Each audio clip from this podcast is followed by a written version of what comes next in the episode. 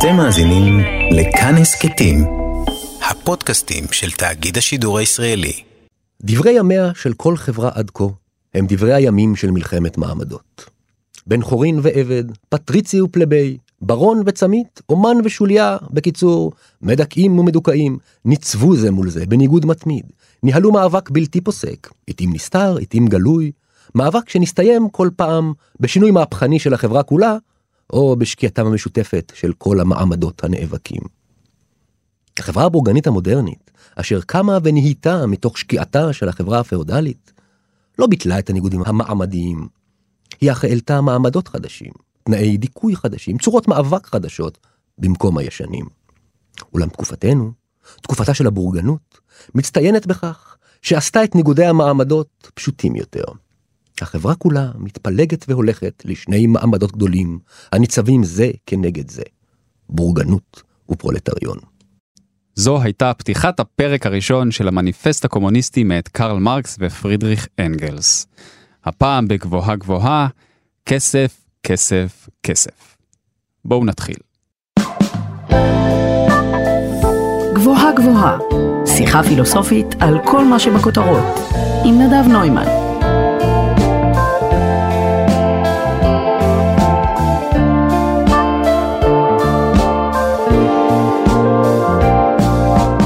מכל התופעות יוצאות הדופן ששנת הקורונה הביאה איתה, יש אחת מסקרנת במיוחד.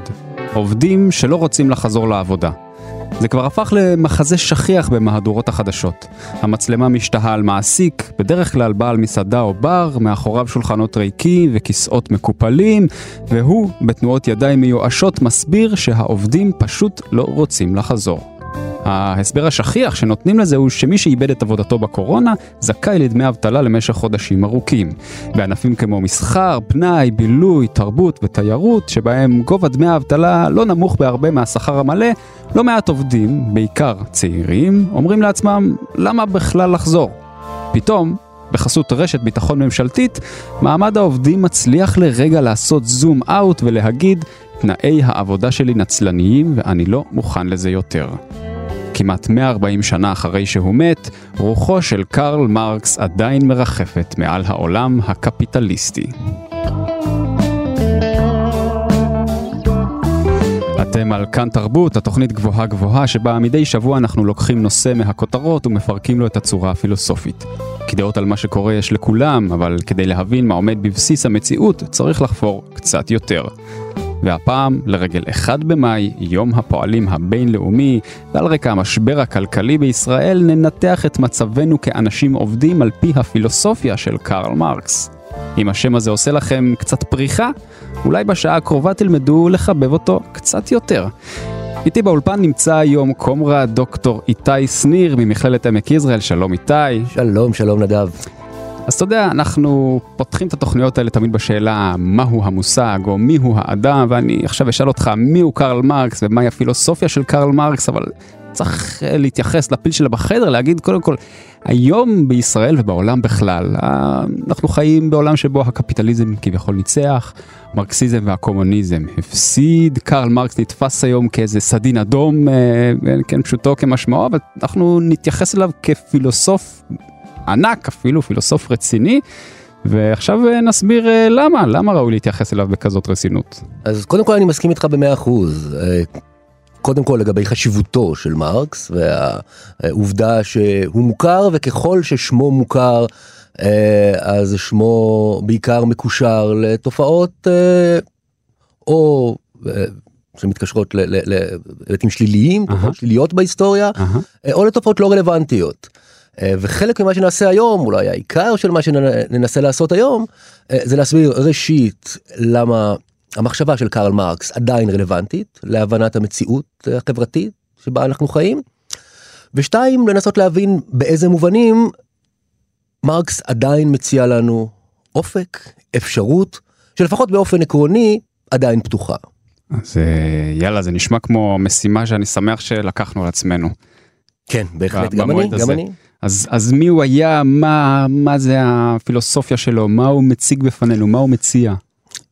מרקס היה איש המאה ה-19. אה, גרמני, גרמני ממוצא יהודי, אף על פי שבילדותו הוטבל לנצרות על ידי הוריו אמו מסיבה פרקטית לחלוטין, אה, ולא גדל לא כיהודי, לא כנוצרי, אה, וכתב דוקטורט בפילוסופיה יוונית, אה, אבל למעשה וואו. הקדיש את חייו הבוגרים מעמד הפועלים ובפרט למפלגה הקומוניסטית אה, שבניגוד לדעה רווחת לא הוא הקים אותה לא הוא ייסד אותה אה, אבל משעה שחברים הכניסו אותו בסודה mm-hmm. של המפלגה הקומוניסטית סודה במרכאות כמובן מפלגה פוליטית okay. כן. אה, שמנסה לעצות, לעצות לעצמה נפשות מרקס הפך להיות הדמות הבולטת. אה, לפחות בניסוח הרעיונות התיאורטיים שבבסיס המחשבה הקומוניסטית. אנחנו מדברים על 1800 אה, שנות ה-30, שנות ה... מרקס הצעיר מתחיל לנסח את הרעיונות שלו בשנות ה-30. אה, אבל בעצם אפילו שנות ה-40 של המאה ה-19 כן. ובעצם מבשיל בשנות ה-50 וה-60 כאשר הטקסטים החשובים שלו נכתבים הקפיטל שרק אחרי הכרך הראשון שלו הושלם ממש בשנות ה-80 מרקס מת ב-1883. צעיר יחסית אה, כן, והספיק כן. להשלים בעצם רק הכרך הראשון של הקפיטל שני הכרך השני והשלישי אה, נערכו והוצאו אחרי מותו. הקפיטל זה באמת החיבור המונומנטלי המוכר של קרל מרקס יש לו גם את המניפסט הקומוניסטי שאנחנו כמובן נכון נדבר מאוד, עליו. ואני רוצה גם לומר עכשיו כן. מכיוון שאנחנו רוצים היום להתמקד בהיבטים פילוסופיים כן. בהתאם לרוחו של הפודקאסט כן. הזה כן. בהגותו של מרקס. זה לא יהיה פרק כלכלי כל, נכון כל המאזינים והמאזינות שחוששים עכשיו שניכנס לא למושגים כלכליים לא אנחנו נשאר באזורים הפילוסופיים. זו אזהרה או הבטחה אבל אנחנו ננסה להתמקד בהיבטים לחשוב על מרקס. כן. מנקודת מבט פילוסופית שהיא כמובן היבט מסוים בהגות מרקס. ו- ומנקודת מבט פילוסופית בדרך כלל כשאנחנו חושבים על הפילוסופיה של מרקס ועל מרקסיזם אנחנו חושבים על שוויון. נכון אנחנו מאוד. אומרים הקומוניזם והמרקסיזם מה שהם מבקשים זה לכפות שוויון זה הערך הפילוסופי המרכזי שעומד בבסיס הדבר הזה ואולי זה דווקא לא מדויק. נכון מאוד. אז נקודת המוצא שאני מציע להתחיל ממנה לחשוב על מרקס היא דווקא לא שוויון. Mm-hmm. זה לא ששוויון לא חשוב למרקס, אה, אה, חשוב, למרקס חשוב מאוד שוויון ונדבר גם על זה. אבל יש איזושהי דעה לא מקרית, השתרשה אני חושב לפחות בתקופת המלחמה הקרה, אם זוכרים או יודעים, התקופה שבה הגוש הקומוניסטי ניצב מול כן. נניח הגוש הקפיטליסטי כן. או הליברלי. וההנחה הייתה או הטענה לפחות כפי שהיא הוצגה בעולם שקרא לעצמו העולם החופשי העולם הליברלי העולם, העולם הקפיטלי העולם הנאור אנחנו אוחזים בעקרונות של חופש, בעוד ששם מאחורי מסך הברזל השוויון הוא העיקרון החשוב, ולכן השוויון, השוויון שם מושג במחיר של, ממש כפי שאמרת, במחיר של דיכוי. נכון. ולכן חשוב נגיד, לי מאוד. נגיד בהערת סוגריים לפני כן, שהשיחה הקודמת שלנו כאן בהסכת הזה, עסקה בדיוק במתח בין חירות לשוויון. נכון מאוד. אז במידה מסוימת אפילו הפרק הזה שאנחנו מקליטים עכשיו הוא מין המשך לזה. נכון מאוד, ככה הייתי שמח באמת לחשוב עליו. אז אני רוצה להציג את מרקס כתיאורטיקן, הוגה, שמושג המפתח עבורו הוא המושג חירות, Aha. כלומר מרקס שמציע כתיאורטיקן פוליטי, כן. תורת שחרור. תורה של שחרור האדם מצוין. Mm. שאלה הבאה, מדוע סבור מרקס במאה ה-19, כן. לא בעת העתיקה, כן. לא בימי הביניים, מרקס חי בעצם רוב חייו במדינה שאפשר לקרוא לה פחות או יותר דמוקרטיה ליברלית, לא כפי שאנחנו מכירים מהמאות ה-20 וה-21. ותעשייתית שבה בני אדם כבר נכון חיים חיים שהם די דומים בסך הכל לעולם שאנחנו נכון, מכירים, זה לא ימי הביניים. גם כאדם צעיר בגרמניה, במדינות דוברות, באזור דובר הגרמנית, גם לאחר מכן בבלגיה ובצרפת, גם כשעבר רוב חייו מרקס חי בלונדון, באנגליה, כן. חי פחות או יותר בדמוקרטיה ליברלית, צריך להגיד בזהירות, לא בדיוק, כאמור. כן. ממה צריך לשחרר אותנו? באיזה מובן האדם משועבד? Mm. כדי לענות על השאלה הזאת, הנה לנו הפילוסופיה, צריך להבין מהו בכלל אדם. כלומר הוא, הוא ככה עושה, עושה דיקונסטרוקציה משאלה לשאלה יותר בסיסית, יותר בסיסית, יותר בסיסית, עד שהוא מגיע לשאלה מהו, מהו האדם בעצם. הוא מנסה לחשוב בצורה שיטתית, כן, בוא נאמר כך. כן. עכשיו השאלה מהו האדם היא כמובן שאלה עתיקה, לא רק ותיקה, ממש אחת עתיקה. הגדולות. ניתנו לה תשובות רבות מאוד בתולדות המחשבה, בתולדות הפילוסופיה, לא רק במערב, אבל אפילו במערב, אה, שמרקס כפילוסוף במקצועו בעצם, דוקטור לפילוסופיה, אה, מכיר היטב, החל מהיוונים שנתנו תשובה דרך הלוגוס, אהה. שפירושו גם היגיון מחשבה וגם דיבור למעשה, כך כן. שהאדם מדבר, האדם חושב, נפש שמסוגלת לבצע דברים שבעלי נכון, חיים וצמחים ודברים אחרים לא יכולים המודרני, לעשות. נכון מאוד, זה טענה, אנחנו מכירים למשל מאריסטו, אה, כן. בתקופה המודרנית רנה דקארט, כן. אני חושב משמע אני קיים, ומה אני דבר חושב. יש עוד תשובות שמרקס מכיר, למשל במאה ה-19 העסיקה את מרקס תשובה אה, שאמרה האדם הוא יצור מאמין. מהותו היא האמונה באל. מרקס מכיר תשובות כאלה והוא לא פותר אותן אה, ומנפנף אותן לחלוטין. כן. יש טעם אה, אה, בחלק גדול מהתשובות האלה, בטח בתשובה שאומרת שהאדם רציונלי ומדבר, אבל הן לא מספיקות. ולמה הן לא מספיקות? מה משותף לכל התשובות האלה, שפשוט מוחמץ, מחמיצים, אה, אה, הן כולן מחמיצות משהו מאוד בסיסי, וכדי שאפשר יהיה בכלל לשאול את השאלה הזאת, בוודאי כדי שאפשר יהיה לענות על השאלה מהו האדם, צריך שהאדם יהיה קיים. עכשיו זה. נשמע פשוט, זה נשמע טריוויאלי, מי חשב אחרת?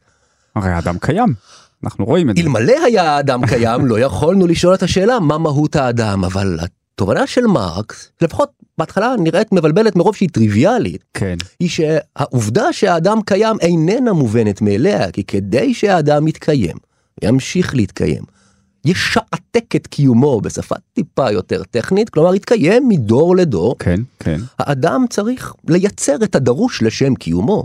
הוא לא מתקיים מהאוויר, זה לא נתון קבוע, עקרוני שנכון, אני אה, מבין לאן אתה חותר. אה, לאן מרקס חותר? מרקס חותר לטענה הפשוטה שאי אפשר להבין מהו האדם בלי להבין איך הוא מתקיים, ולכן התשובה הבסיסית לשאלה מהו אדם היא קודם כל שהאדם הוא יצרן. מהמם. אין פירוש הדבר שהוא לא חושב או בעל תודעה, אין פירוש הדבר שהאדם לא מדבר. אבל קודם כל הוא מייצר מי- מייצר טכנולוגיות כלים דברים שדרושים אמרת את לשם אמרת את המילים שלו. החשובות ביותר, נכון מאוד, רק בוא נעשה סדר. קודם כל, מה פירוש יצרן? אמ, האדם משתמש בכלים על מנת לייצר. ואם מתבוננים בכלים שבאמצעותם האדם מייצר, מהמם. כלומר באמצעותן האדם מוציא את לחמו מן הארץ, באמצעות כן. הכלים האדם מוציא מן הטבע את הדרוש לשם קיומו, מאבד את הטבע כדי שאפשר יהיה להתקיים ממנו. אנחנו רואים את השימוש בכלים, אנחנו רואים הבדל קריטי, לא רק מעניין, אלא גם הבדל, הבדל ממש שעושה הבדל בין האופן שבו האדם משתמש בכלים לבין בעלי חיים אחרים. כי הלוא אפשר לבוא ולומר, מה ההבדל הזה? אפשר לבוא ולומר אולי יש גם בעלי חיים אחרים. שמשתמשים בכלים. בעלי הקופים משתמשים במקלות להוציא נמלים מהאדמה ועורבים אנחנו יודעים שהם יודעים לשבור אה, יודעים לה- להשתמש לשבור אגוזים באמצעות כ- אבנים יש כל מיני כאשר מחקרים כאלה. אנחנו קוראים על אורבים מלפני אלפיים שנה, אה, ומסתכלים על אורבים היום, או יודעים איך קופים התקיימו לפני חמשת אלפים שנים, אהה. אנחנו רואים אותם משתמשים בדיוק באותם כלים. ולעומת זאת, הכלים שבאמצעותם האדם מייצר את הדרוש לשם קיומו, משתכללים. דרמטית. כלומר, לאדם יש את היכולת לשפר את הכלים שבאמצעותם הוא מוציא לחם מן הארץ, שבאמצעותם הוא מספק, מייצר ומספק את הדרוש לשם קיומו. המילה טכנולוגיה פירושה כלים שניתן לשכלל, כלומר לתבונה האנושית יש מקום מאוד מאוד מרכזי בתשובה לשאלה מהו אדם. אבל התכנים שמקבלת התודעה האנושית, הדברים שעליהם האדם חושב שנמצאים בתודעה שלו ולכן הוא מסוגל לחשוב עליהם באופן תבוני, הם הדברים שעומדים לרשותו. האדם יכול לחשוב על הכלים העומדים לרשותו ולשפר אותם. כלומר זה פילוסופיה שמראש היא מאוד אה, מטריאליסטית במובן שהיא חושבת לא מה. היא חושבת לא בצורה מופשטת על אה, מה הם התכונות של האדם כמו זה שהוא חושב או זה שהוא אה, מאמין בדברים אלא הדבר המהותי של האדם זה העובדה שהוא משתמש בתכונות האלה כדי לייצר כלים ולשכלל אותם וככה לשפר את הקיום שלו אולי. כלומר השימוש במילה מטריאליזם מדויק אם נזהרים אין פירוש של דבר שמרקס הוא מטריאליסט מטאפיזי ששולל את קיומה של הרוח. אבל מרקס מעמיד את הפילוסופיה על רגליה. הפילוסופיה עמדה כש... על הראש. על התודעה כשהיא חשבה נכון. שמה שמאפיין את האדם המפתח שבאמצעותו אפשר להבין את הקיום האנושי הוא המחשבות הרעיונות הרציונליות מרקס מעמיד את התמונה הזאת על הרגליים או אולי אפשר לומר על הקיבה אהה. גם כדימוי אהה. כן על ה... אהה. מה שאנחנו צריכים כדי להתקיים זה לא רק אוכל זה גם מחסה זה גם אה, אבל זה הכל הדברים ה... ה... נקרא לזה הוויסרליים. נכון ה- מאוד. זה הדברים שחשובים. קודם כל, כדי להתקיים. עכשיו, התשובה הזאת בעצם יש לה שני נד- נדבכים, הייתי אומר שתי, אה, שני שלבים. קודם כל, תשובה כללית, תקפה תמיד, נקבנו בה כבר, האדם הוא יצרן, כן. משתמש בכלים ומסוגל לשכלל אותם. כן. אבל מהתשובה הזאת נובעת תשובה נוספת. הייצור משתנה מתקופה לתקופה. ולכן כדי להבין את האדם בכל תקופה, יש להבין כיצד הוא מייצר את הדרוש לשם קיומו בתקופה הזו. מהמם. כלומר, התשובה המלאה של מרקס לשאלה מהו אדם, יש לה גם היבט היסטורי.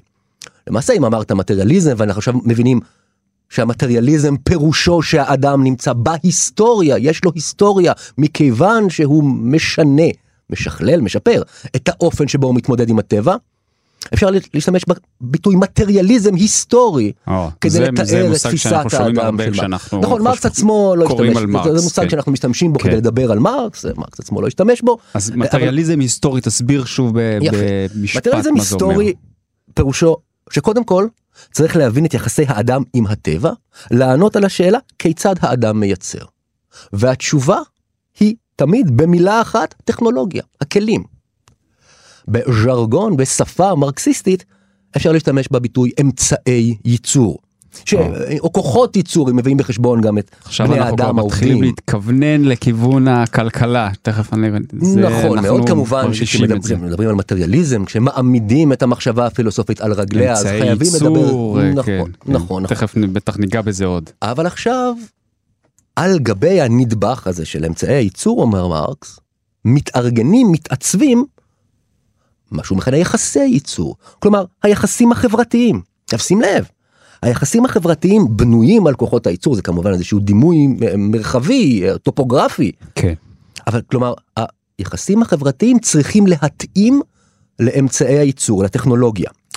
כשאמצעי הייצור משתנים משתנה גם החברה באופן שיאפשר לה לעשות שימוש באמצעים החדשים. ניתן דוגמה.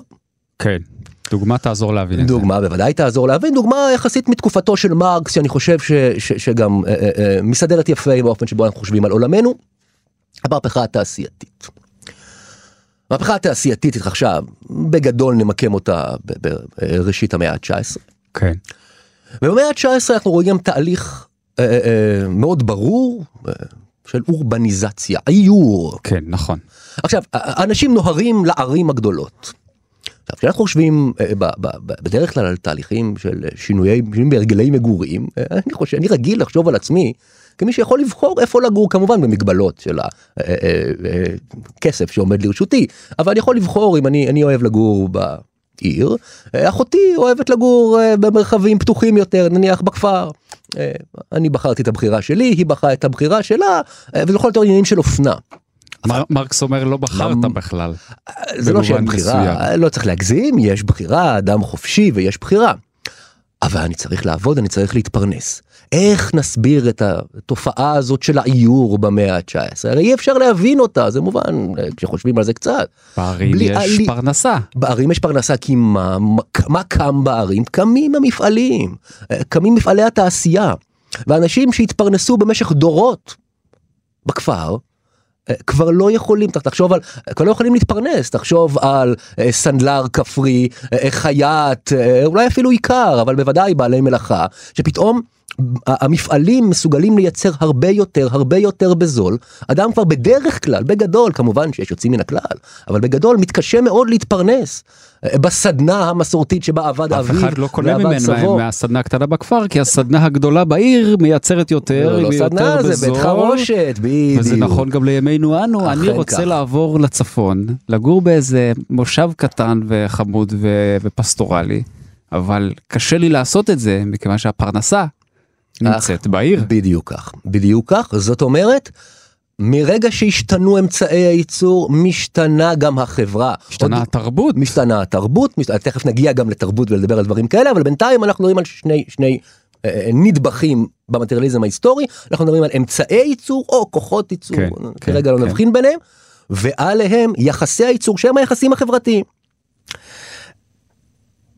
עכשיו כשמתבוננים על יחסי הייצור, אמרנו מה שבאמת חשוב הוא קודם כל אמצעי הייצור, הטכנולוגיה. כן. אנחנו רואים כאן הבדל מאוד חשוב בין שתי קבוצות בחברה בכל תקופה. כותב מרקס ביחד עם חברו אנגלס במניפסט הקומוניסטי בכל חברה עד כה. לא, זה לא חייב להיות ככה. אבל בכל חברה עד כה אנחנו רואים שתי קבוצות.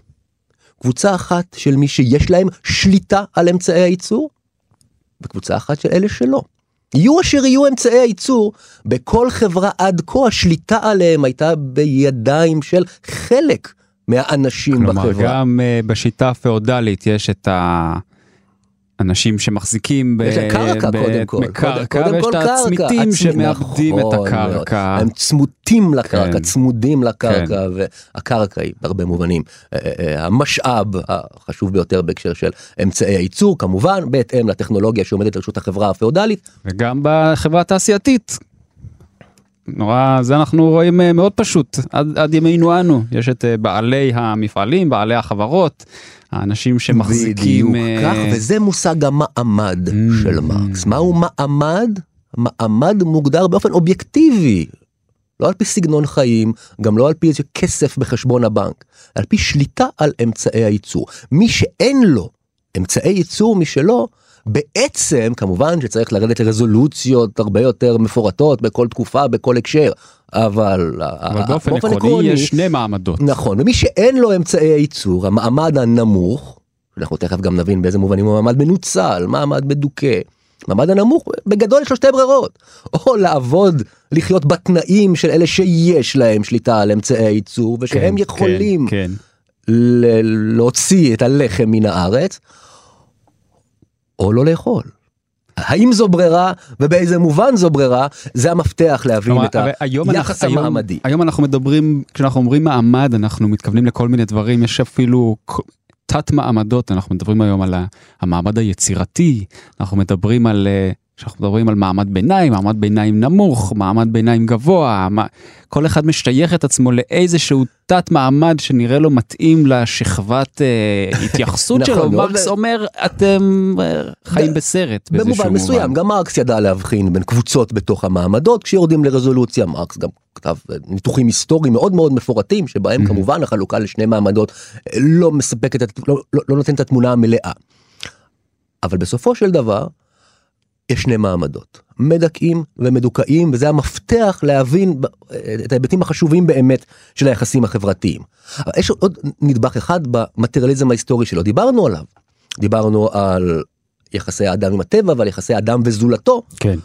לא דיברנו על באיזשהו מובן יחסי האדם עם עצמו, כלומר על התודעה, על המחשבות, עולם הרעיונות שמרקס מכנה והשימוש במילה כאן מבלבל אידיאולוגיה. אידיאולוגיה לאו דווקא כתפיסת עולם סדורה, לאו דווקא כמחויבות עמוקה לרעיונות אה, אה, נשגבים, אלא פשוט עולם המחשבות של האדם. אומנות, תרבות, חברה, פוליטיקה וחוק. עכשיו אומר מרקס, העולם הזה של האידיאולוגיה כן. משקף את היחסים החברתיים. ובהרבה מובנים מצדיק את היחסים החברתיים. שזה אולי הפוך מאיך שאנחנו חושבים על זה באופן אה, נכון מאוד. אינסטינקטיבי. אנחנו לא מארגנים את החברה לפי הרעיונות שלנו, אלא הרעיונות שלנו מתארגנים באופן שיצדיק את היחסים צריך החברתיים. להתעכב על זה רגע זה זה זה היום זה כבר לא מהפכה מחשבתית מכיוון שזה הוא כתב את זה אי אז באמצע המאה ה-19 אבל נכון. עדיין זה מושג שהוא לא טבעי לנו. אנחנו חיים את החיים שלנו, בטוחים שכל מה שאנחנו, איך שאנחנו מארגנים את חיינו, זה נעשה על פי מה שאנחנו מאמינים בו. אנחנו חושבים שראוי לחיות חיים בצורה כזאת וכזאת, אנחנו מצביעים למפלגה מסוימת כי היא משקפת את הערכים שלנו, יש לנו חברים מסוימים, אנחנו אוהבים הצגות מסוימות, או רואים את הסדרה הזאת או הזאת בנטפליקס, יש לנו נטפליקס, אין לנו נטפליקס. כל החיים התרבותיים והרעיוניים שלנו, אנחנו חושבים שעל פיהם אחר כך אנחנו עושים את מה שאנחנו רוצים. כאן צריך טיפה להיזהר. כי מרקס לא שולל את החירות מהמחשבה האנושית. אה, אה, אתה לא מחויב בשום דרך מטאפיזית כזו או אחרת אה, לאהוב את מה שאתה... אבל יש איזה גלגלים קטנים מאחורי הרעיונות שלנו שאנחנו לא רואים אותם. כלומר עולם המחשבה אינו אוטונומי ומנותק.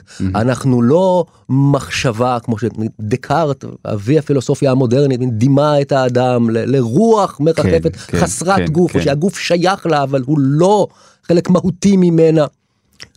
אומר מרקס בעצם המחשבות שלנו אף פעם לא מנותקות מההוויה החברתית, ההוויה החברתית קובעת את התודעה. ההוויה החברתית נקבעת. נקבעת על... על פי מה שאנחנו עושים, זה, על, על פי היומיום שלנו, ומה אנחנו עושים בדרך כלל ביומיום שלנו? עובדים. עובדים. עובדים, מייצרים, אה, אה, ההוויה לא באיזשהו אופן מופשט, אלא באופן הכי קונקרטי שיכול להיות. מה שאנחנו עושים ביומיום משפיע עמוקות על המחשבות שלנו, על מה שנתפס צודק ולא צודק בעינינו. כשאנחנו קוראים את הפילוסופים העתיקים, אפלטון, אריסטו, גדולי הגדולים, לא רק שטיפשים הם לא היו, גם אנשים רעים הם לא היו, ובכל זאת אנחנו קוראים אצלם הצדקות נחרצות לעבדות. יש אנשים שמטבעם חופשיים, ואנשים שמטבעם אינם חופשיים וצריכים שישלטו עליהם ויגידו מה לעשות. האם אפלטון ואריסטו היו כל כך רעים? האם הם, איך הם לא ראו דבר שאני מקווה שכולנו רואים היום שעבדות אינה מוצדקת. אבל לא מספיק להגיד שאפלטון ואריסטו היו רק בני תקופתם. ודאי שהם היו בני תקופתם, אבל מדוע תקופתם לא יכלה במובן חשוב לראות את מה שאנחנו רואים, שעבדות כל כך לא מוסרית. מכיוון שאופן הקיום שלהם חייב עבדים בגלל, שוב, הטכנולוגיה שעמדה לרשותם, אמצעי הייצור שעמדו לרשותם. עכשיו מדברים גבוהה גבוהה, בכאן תרבות. אתם על כאן תרבות, התוכנית גבוהה גבוהה. אני נדב נוימן, יושב היום באולפן עם דוקטור איתי שניר, אנחנו מדברים על מרקס והפילוסופיה שלו. לרגל אחד במאי שמתקרב אלינו והמצב הכלכלי ומצב העובדים היום בישראל.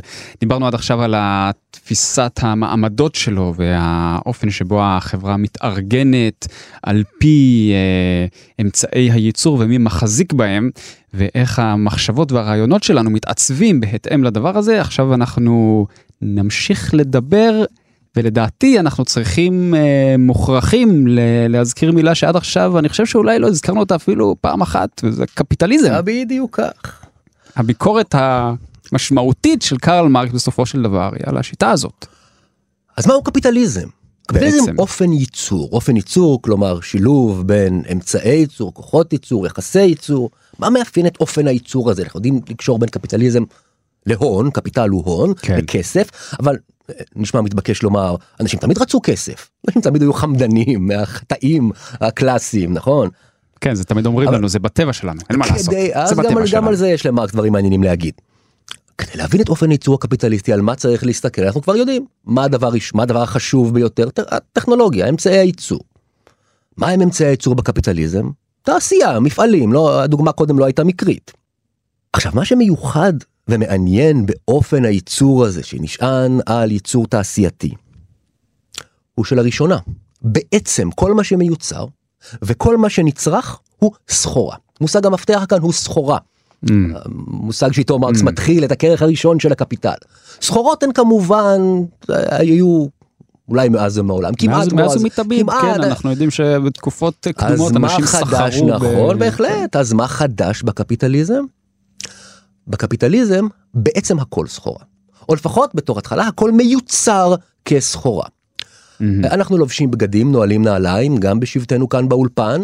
אה, אנחנו מקליטים בשעת צהריים, כבר אכלנו ארוחת בוקר, אני מניח שגם אתה. כל מה שאכלנו, אני בטוח בלי לשאול, כל מה שאכלנו, כל מה שאנחנו לובשים, הכיסאות שאנחנו יושבים עליהם, הציוד, יוצר כסחורה. הכל יוצר כסחורה ונרכש. כלומר, אנחנו לא מייצרים לעצמנו דברים? זאת הכוונה? נכון. מה פירוש סחורה? בוא נשאל קודם כל, אנחנו כאן כן, בהקשר כן. פילוסופי, צריך לעבוד בצורה מסודרת, מהי סחורה? איך נגדיר סחורה? ובכן, סחורה היא משהו בר חליפין, אפשר להחליף אותו. אהה. משהו סחורה הוא לפחות עומד בשוק הסחורות וניתן לסחור בו, להחליף אותו תמורת מה שנראה שווה ערך. רגע, אבל גם אה, אה, שלמה המלך שכר עם, אה, אני לא יודע, אה, פיניקיה, והם אה, שכרו, הם החליפו ביניהם דברים? בהחלט. מה... אבל מה מה שמיוחד, ההבדל? מה שמיוחד באופן ייצור קפיטליסטי, הוא שהכל למעט באמת יוצאים מן הכלל, שאפשר להתעלם מהם לצורך הניתוח הסוציולוגי היסטורי, הכל מיוצר כסחורה. למה זה חשוב ולמה זה מעניין? כל מה שאנחנו משתמשים בו הוא בר חליפין, כאשר אנחנו עובדים, אנחנו בעצם מייצרים סחורות. אנחנו מייצרים דברים שנסחרים בשוק.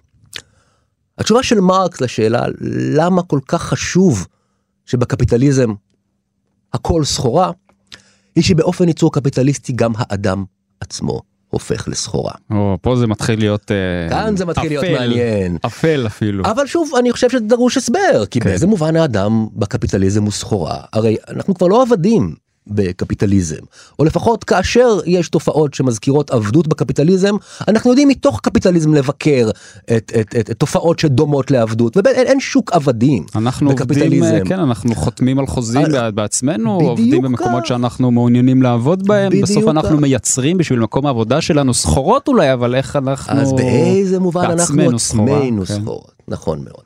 אז בואו נז, בוא נזכור שסחורה היא דבר שהוא בר החלפה. והתובנה של מרקס כאן, היא שהאדם הופך לסחורה כי האדם עצמו הופך להיות בר חליפין. מהמם. כוח עבודתו הופך להיות שכיר בשוק. כלומר, הוא מוערך, מעריכים אותו, ובסופו של דבר הוא גם מעריך את עצמו. על פי התפקיד שלו, הפונקציה שלו בשוק העבודה. שם הוא בר חליפין. עכשיו, כלומר, פ- פעם היה אה, יצרן שעונים, שהוא היה יצרן שעונים של הכפר, מאלף ועד תף הוא היה עושה שעון, אי אפשר היה להחליף אותו פשוט במישהו אחר. במובן מסוים, אבל אין כאן גם אחר כך. יש מפעל וכל אחד מייצר את הקפיץ המסוים הזה ואפשר בנקל לשים מישהו אחר במקומו? פחות או יותר, אבל? שתי הסתייגויות מהדברים שאמרת. קודם כל, למרקס אין נוסטלגיה אה, לתקופה קדם תעשייתית, הדברים לא היו גן עדן רחוק מזה. אה, אפשר להשתפר ולהתקדם מהקפיטליזם, זה לא אומר שתקופה טרום קפיטליסטית אה, היא- עבר שיש טעם להתרפק עליו. וגם הדוגמה עם המפעל כמובן מדויקת לחלוטין, אבל לא רק במפעל האדם בר חליפין בקלות. בעולם העבודה, כמובן שאין מגיש פודקאסט טוב כמו נדב נוימן. אה, אבל אם יש- נדב יש נוימן, אבל ממני. יש עוד כמה טובים, ואם נדב יחליט לעזוב את אה, כאן תרבות ולעבור אה, למקום אחר, ימצאו תחליף. אין מרצים טובים רגע. כמו, אין מרצים טובים כמו איתי שניר, נדמה לי, אבל אם אני אעזוב את עבודתי, ימצאו מי שיחליף אותי. האמירה הצינית, צינית, אהה. אומרת, בתי הקברות מלאים באנשים נכון, שאין להם נכון, תחליף. ומה נכון. פירושה של האמירה הצינית הזו? שלכל אחד יש תחליף. איפה לכל אחד יש תחליף? בעולם העבודה. בעולם העבודה כולנו פונקציות, כולנו ממלאים תפקיד. זה קצת, זה קצת מזכיר, אה, אני אולי לוקח את זה למקום אחר, אבל זה קצת אה, מזכיר לי את ה, איך שאנחנו תופסים את עצמנו בעולם המרושת, בעולם של האינטרנט, כולנו פרופילים, כולנו אה, פרצוף שנגלל אה, בפיד הבלתי נגמר, אנחנו ממש ש- שעתוקים אחד בהחלט, של ב- השני, בהחלט כן. תחליף. בהחלט כן, בהחלט כן. פירוש הדבר הוא שהאדם נתפס על ידי זולתו כתפקיד או אפילו מקצוע וגם על ידי עצמו. אבל בואו נסביר למה הכוונה. אה, כאשר שואלים אדם מודרני מי אתה, התשובה הראשונה בעצם שעולה לראש, אדם מגדיר את עצמו על פי המקצוע. המקצוע מגדיר אותנו במובן עמוק. רוב רובם של האנשים בחברה קפיטליסטית מצומצמים, מועמדים על המקצוע שלהם. זו השאלה הראשונה ששואלים אנשים כשאנחנו פוגשים מה אתה אותם. עושה? מה אתה עושה מה אתה עושה בחיים? התשובה בעצם, הכוונה היא לשאול מה המקצוע אף שלך, אחד לא יגיד אני אדם חושב. או איזה מוזיקה אני אוהב. או אני אדם שאוהב לכתוב שירה כזו ולא, לקרוא שירה כזו ולא לא, אחרת. אני עובד בפוקס קניון גבעתיים, למשל. אני אה, קשב בחברת החדשות. אפשר לחשוב למשל על שמות משפחה שניתנו לא אהה, במקרה, אהה. בתמיד- מכל מיני סיבות כמובן, אבל בראשית התקופה התעשייתית. נכון. חלק גדול משמות המשפחה, נכון. לא כולם, אבל חלק גדול משמות המשפחה, ממש שמות של מקצועות מצמצמים את האדם למקצועו, סמית. זהותו מועמדת, מועמדת נכון על המקצוע שלו, סמית הוא הנפח, כן. וה- וטיילור ו- ושמות משפחה רבים אחרים גם שמות משפחה עבריים כמובן נכון, לא נכון, ללכת נכון, לשמות משפחה נכון. אה, אנגליים גם שמות משפחה עבריים מעמידים את האדם על מקצועו והוא עצמו חווה את עצמו קודם כל על פי המקצוע או על פי הכסף. אפשר לדבר כאן על מה שנקרא חפצון האדם. המילה חפץ, האדם הופך לחפץ, כמו אובייקט. ביחסיו עם זולתו הוא בר חליפין, ניתן להמיר אותו. במישהו אחר, במשהו אחר. כמה כסף הוא שווה, ממש כמו חפץ, ראיפיקציה, מהמילה רס אה, בלועזית. ראיפיקציה, הפיכת האדם לחפץ. האדם עצמו חש כל הזמן שהוא צריך למכור את עצמו. אף אחד לא מוכר את האדם בשוק עבדים אמיתי. אבל בעולם העבודה אני כל הזמן צריך למכור את עצמי. אפשר להסתכל על מודעות דרושים, כי עדיין יש מודעות דרושים, נכון היום זה אה, בעיקר אונליין כמובן. נכון. איך תמכור את עצמך למעסיק? Mm. איך תשכנע את המעסיק שאתה מתאים? לשווק את אה, עצמך, אתה לשווק צריך את לשווק את עצמך עצמך כל הזמן. כל אז. מי הסחורה כאן? האדם הופך להיות סחורה. בר חליפי. להבדיל ממה? כדי להבין מה, מה, מה הבעיה כאן עם הראיפיקציה, כלומר החפצון של האדם, עם הפיכת האדם לסחורה, צריך לרגע לחשוב על איפה ובאיזה מובנים האדם חי לא כסחורה, מתי ואיפה אני לא סחורה, הרי היגיון הסחורה משתלט כמעט על כל חלקה טובה בהוויה האנושית, אבל לא על ממש כל חברה טובה, אני מכיר אז סוג מתי, אחר של מתי יחסים. אנחנו יכולים להיות אה, לא ברי למשל חליפין? ביחסים שלנו עם אנשים שאנחנו אוהבים. או שונאים נאמר בסוגריים אבל אנחנו כשאני נכון, יש אוהב אנשים שאני שונא שאי אפשר להחליף אותם באף אחד אחר. אבל בוא נדבר על אנשים שאתה אוהב כן, עדיף.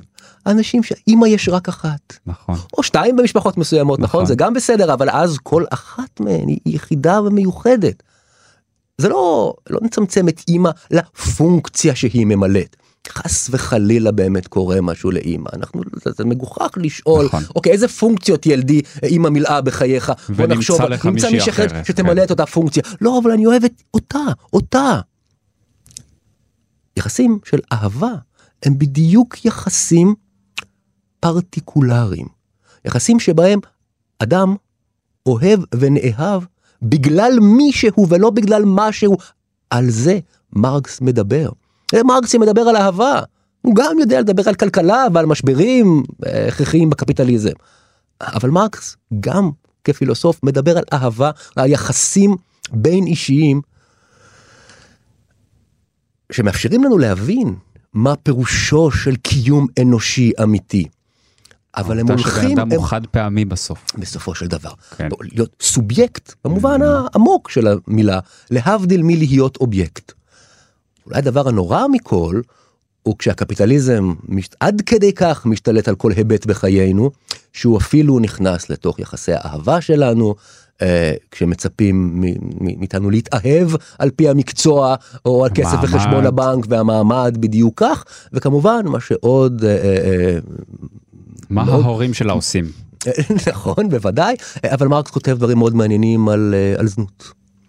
אה, אה, כסמל כמובן זנות, זנות היא לא, לא תופעה חדשה מודרנית אה, קפיטליסטית בשום מובן אבל היא מגלם את הפריחה אה, במרכאות כמובן הנוראית אה, של, של, של תופעת הנשים בזנות בתקופתו.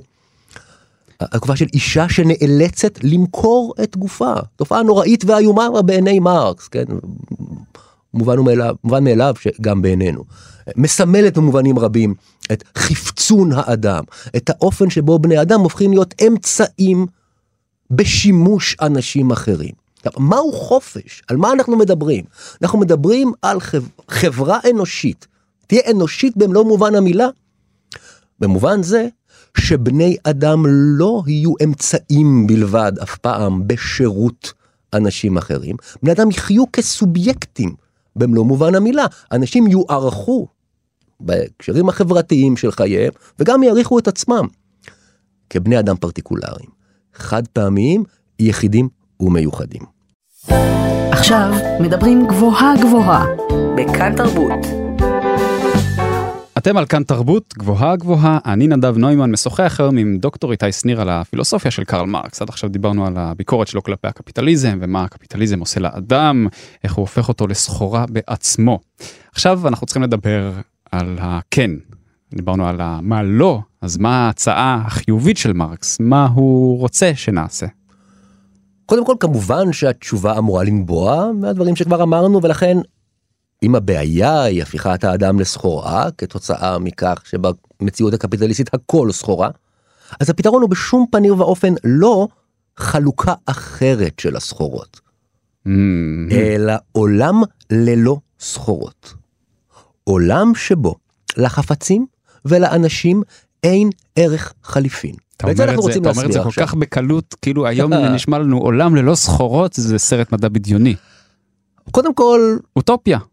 אז מרקס מסביר, ב, נותן כמה תשובות, ל, אה, אה, אה, או, או, או כמה הסברים למדוע זו לא אוטופיה, ואנחנו נרצה גם להגיע לזה כמובן, אבל קודם כל, עולם ללא סחורות אינו עולם ללא חפצים. אנחנו כל כך רגילים שהדברים הם חפצים, שכדי להשתמש בהם, כדי שהם יהיו שלנו, נגישים לשימושנו, אנחנו חייבים לקנות אותם, לקנות אותם, אותם כן. שזה נשמע כמעט בלתי נתפס, כן, עולם כן, ללא כן. סחורות.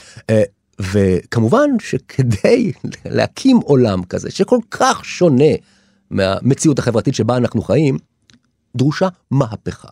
מרקס הוא מהפכן, שהוא לא הדגשנו מספיק את המילה הזאת, אין מרקסיזם בלי מהפכנות. דרושה מהפכה, ואם אמרנו וזה, קודם... וזה גם מה שמפחיד הרבה אנשים כשהם שומעים על מרקס ועל מרקסיזם ועל קומוניזם, המהפכה הזאת היא... בהחלט, בהחלט, ותכף, מהפכה ותכף היא דבר גם, לא פשוט. ותכף גם נגיד על זה עוד מילה. מהפכה היא דבר לא פשוט. מה תוכן המהפכה, קודם כל? אם אמרנו שהבסיס להבנה של כל דבר בעצם לפי מרקס בחברה האנושית, צריך להגיד בזהירות, אבל בכל זאת, הוא אמצעי הייצור, הכלים, הטכנולוגיה שעומדת לרשות החברה. והבעיה, ומה שיוצר את הפערים המעמדיים, הוא העובדה שחלק, קטן בדרך כלל, מהאנשים בחברה שולטים על אמצעי הייצור, המעמד השולט, המעמד המנצל. זה ברור שקודם כל, תוכן של המהפכה הוא קולקטיביזציה של אמצעי הייצור, העברת אמצעי הייצור לרשות הכלל, כך שהם יעמדו לרשות כולנו. כלומר שלא יהיו מראש את ה... לא יהיה את המעמד שמנצל, שהוא מחזיק באמצעי ייצור וכולם צריכים לסור למרותו בשביל אה, לחיות, אלא שאמצעי ייצור יהיו בבעלות של כולם. נכון מאוד. יהיו בשליטה של החברה כולה. החברה כולה תייצר את הדרוש לשם קיומה. כמובן שכאן חשוב להגיד, יש כאן בהחלט גם מידה של שוויון במובן הזה. הקולקטיביזציה של אמצעי הייצור תאפשר את החירות שתכף נדבר עליה, אבל את השוויון אני כבר רואים במובן חשוב מאוד, לא יהיו מעמדות, זו אכן חברה בלי מעמדות. עכשיו עוד כמה שאלות מאוד חשובות, קודם כל איך יתחלקו המוצרים, כבר לא יהיו סחורות, איך יתחלקו המוצרים. פה זה כבר שאלות פרקטיות. יותר. אבל יותר מפרקטיות אני חושב, שאלות ממש מהותיות של מה פירוש חיים חופשיים. או לפחות מה התנאים לחיים חופשיים. בזהירות כנראה לחזות חופש ולומר מראש מה יהיה התוכן של חיים חופשיים. אבל כדי שיתאפשרו חיים אנושיים חופשיים, צריך לחיות בעולם ללא סחורות, אמרנו. עולם ללא סחורות, דורש שאמצעי הייצור יהיו ברשות הכלל, ועכשיו איך נחלק את המוצרים? כל אחד לפי צרכיו. אומר מרקס ומתעקש על כך. לכן מי, גם... מי מחליט מה הצורך של כל אדם? כדי שאדם באמת יהיה חופשי, אפשרית רק תשובה אחת לשאלה החשובה שלך. הוא עצמו. כל עוד מישהו אחר מחליט עבורי כמה אני צריך, אני לא באמת חופשי. שוב, זה לא מלוא התוכן של החופש, אבל זה לפחות תנאי הכרחי לחופש. כאשר כל אחד מחליט בעצמו למה הוא זקוק. עכשיו שים לב למה מושג השוויון כל כך בעייתי מנקודת מבט מרקסיסט, או להתעקש על שוויון, כי הצרכים של כל אחד שונים. אם אתה למשל מוזיקאי, ויש לך צורך בכלי נגינה ובכל מיני עזרים ש, שדרושים לך כדי לפתח את כישרונותיך המוזיקליים, ולעומתך אני לא יודע לנגן, לא נמשך לזה במיוחד, אני לא זקוק לגיטרה או פסנתר, לעומת זאת אני מאוד זקוק לספרים. אחר לא בהכרח אוהב ספרים או לא אוהב אותם ספרים. הצרכים של בני אדם שונים. לדבר על שוויון במובן של לכולם אותו דבר, פירושו לפגוע בחירותם, בדיוק לפגוע בייחודיות שלהם, בחד פעמיות של כל אחד. אבל עולה גם בעיה נוספת. מה זאת אומרת כל אחד ייקח מה שהוא רוצה? מאיפה יהיה לנו מספיק לכולם? אולי השאלה החשובה ביותר והבוערת לא ביותר. ואומרים אני צריך. אנחנו, נכון, אנחנו גם נגיע לזה, הרבה. אנחנו גם נגיע לשאלה הזאת. אבל קודם כל מאוד חשוב לי, מאוד מאוד חשוב, להבין שבדיוק בגלל, כדי שיהיה מספיק לכולם, תנאי הכרחי לחברה חופשית, שבה כל אחד מקבל לפי צרכיו כפי שהוא עצמו מבין אותם, הוא שפע. שפע, שיהיה מספיק לכולם. בחברה שיש בה מחסור, שבה אין מספיק לכולם, אנשים מתחרים אחד בשני, יריבים אחד של השני. איך אנחנו מגיעים לשפע הזה? איך אומרים בסטארטרק? We have the technology. אנחנו שם, זה כל מה שאומר מרקס, אנחנו כבר, במאה ה-19 הוא אומר את זה. יש, על אחת כמה וכמה היום. גם היום כבר אומרים שרעב עולמי זה המצאה, אפשר פשוט להתחיל לחלק אוכל לכולם, יש מספיק. אבל אנשים מתים. כן, אבל יש מספיק. יש מספיק. אנחנו יכולים היום לכונן יחסים חברתיים כאלה שאף אדם לא ימות מרעב. יש לנו את האמצעים לעשות את זה. עכשיו שים לב, מה מאפשר לנו את השפע הזה? כאן תשובה מאוד מפתיעה, אבל חשוב להבין אותה. הקפיטליזם. בזכות הקפיטליזם למרקס יש דברים טובים, נהדרים לומר על הקפיטליזם. בתור שלב היסטורי. שצריך לעבור אותו. אבל חייבים אותו. בלי קפיטליזם, בלי שפע, אי אפשר לחיות חברה, בחברה חופשית. זה גם מסביר לנו למה במקומות שבהם היה מחסור, רוסיה, סין, הקומוניזם לא נידון, נידון לכישלון. אבל צריך לחשוב גם על השאלה האחרונה שלך. למה שאדם לא יבוא וירמה ויקח עוד ועוד לעצמו? אנחנו רגילים לחשוב על בני אדם כחמדנים. רגילים לחשוב עליהם כמי שחושבים על עצמם. או לחוות אפילו את עצמנו ככאלה.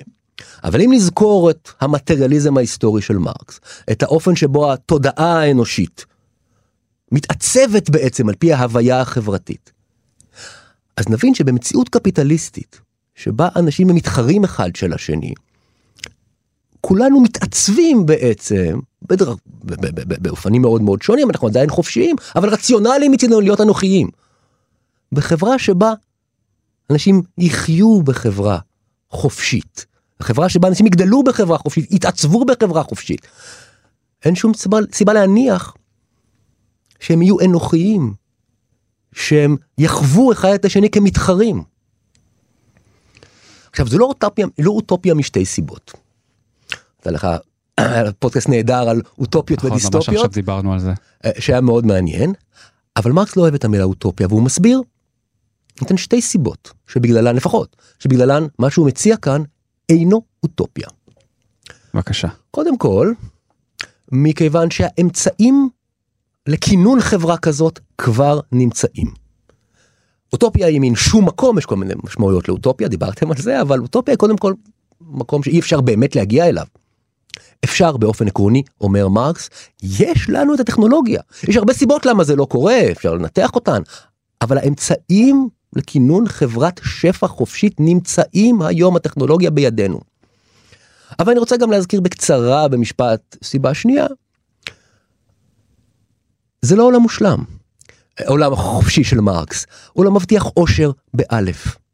כשאני אהיה באמת אני, אולי אנשים לא יאהבו את מי שאני באמת. אהבה היא גם לפעמים המקום שבו הלב נשבר בצורה הכי כואבת. מרקס מבטיח חופש, והחופש הזה פירושו לא בהכרח אושר באלף, אלא חיים אנושיים במלוא מובן המילה. נהדר, וזו נקודה מאוד טובה לסיים איתה, מכיוון שאנחנו מבינים שהדבר הזה הוא אף פעם לא מושלם. אנחנו אוהבים לחשוב על אה, מרקס כמשיחיסט, שהוא בונה איזושהי תוכנית לעתיד אה, שבהכרח יבוא, והעתיד הזה יש בו משהו כמעט באמת משיחי, אבל נשאר תמיד איזה משהו לא מושלם בדבר הזה, וזה דווקא משהו אופטימי. זה משהו, של חופש. משהו חיובי. אני מסכים. חופש, כן. אני מסכים. בזאת נסיים. Uh, תודה רבה, דוקטור איתי שניר. ממכללת עמק יזרעאל. אני נדב נוימן, את כל הפרקים של גבוהה גבוהה אפשר לשמוע ביישומון ובאתר של כאן או בכל אפליקציה שבה אתם נוהגים להאזין להסכתים. אני מזמין אתכן גם להצטרף לקבוצת הטלגרם של התוכנית לעדכוני פילוסופיה והרחבות על הנושאים שעליהם אנחנו מדברים, פשוט חפשו גבוהה גבוהה בטלגרם. ואם אתן רוצות להרחיב עוד בנושאים שעליהם דיברנו היום, אפשר לקרוא את הספרים הבאים.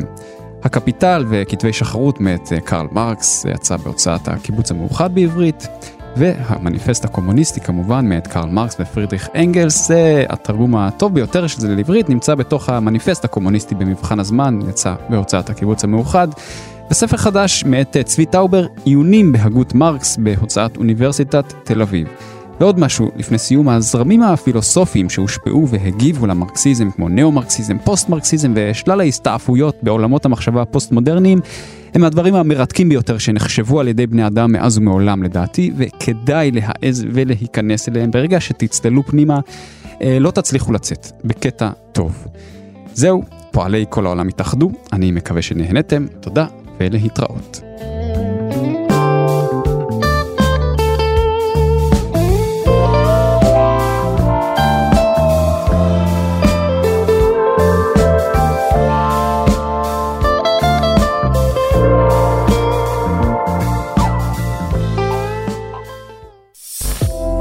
מאזינים לכאן הסכתים, הפודקאסטים של תאגיד השידור הישראלי.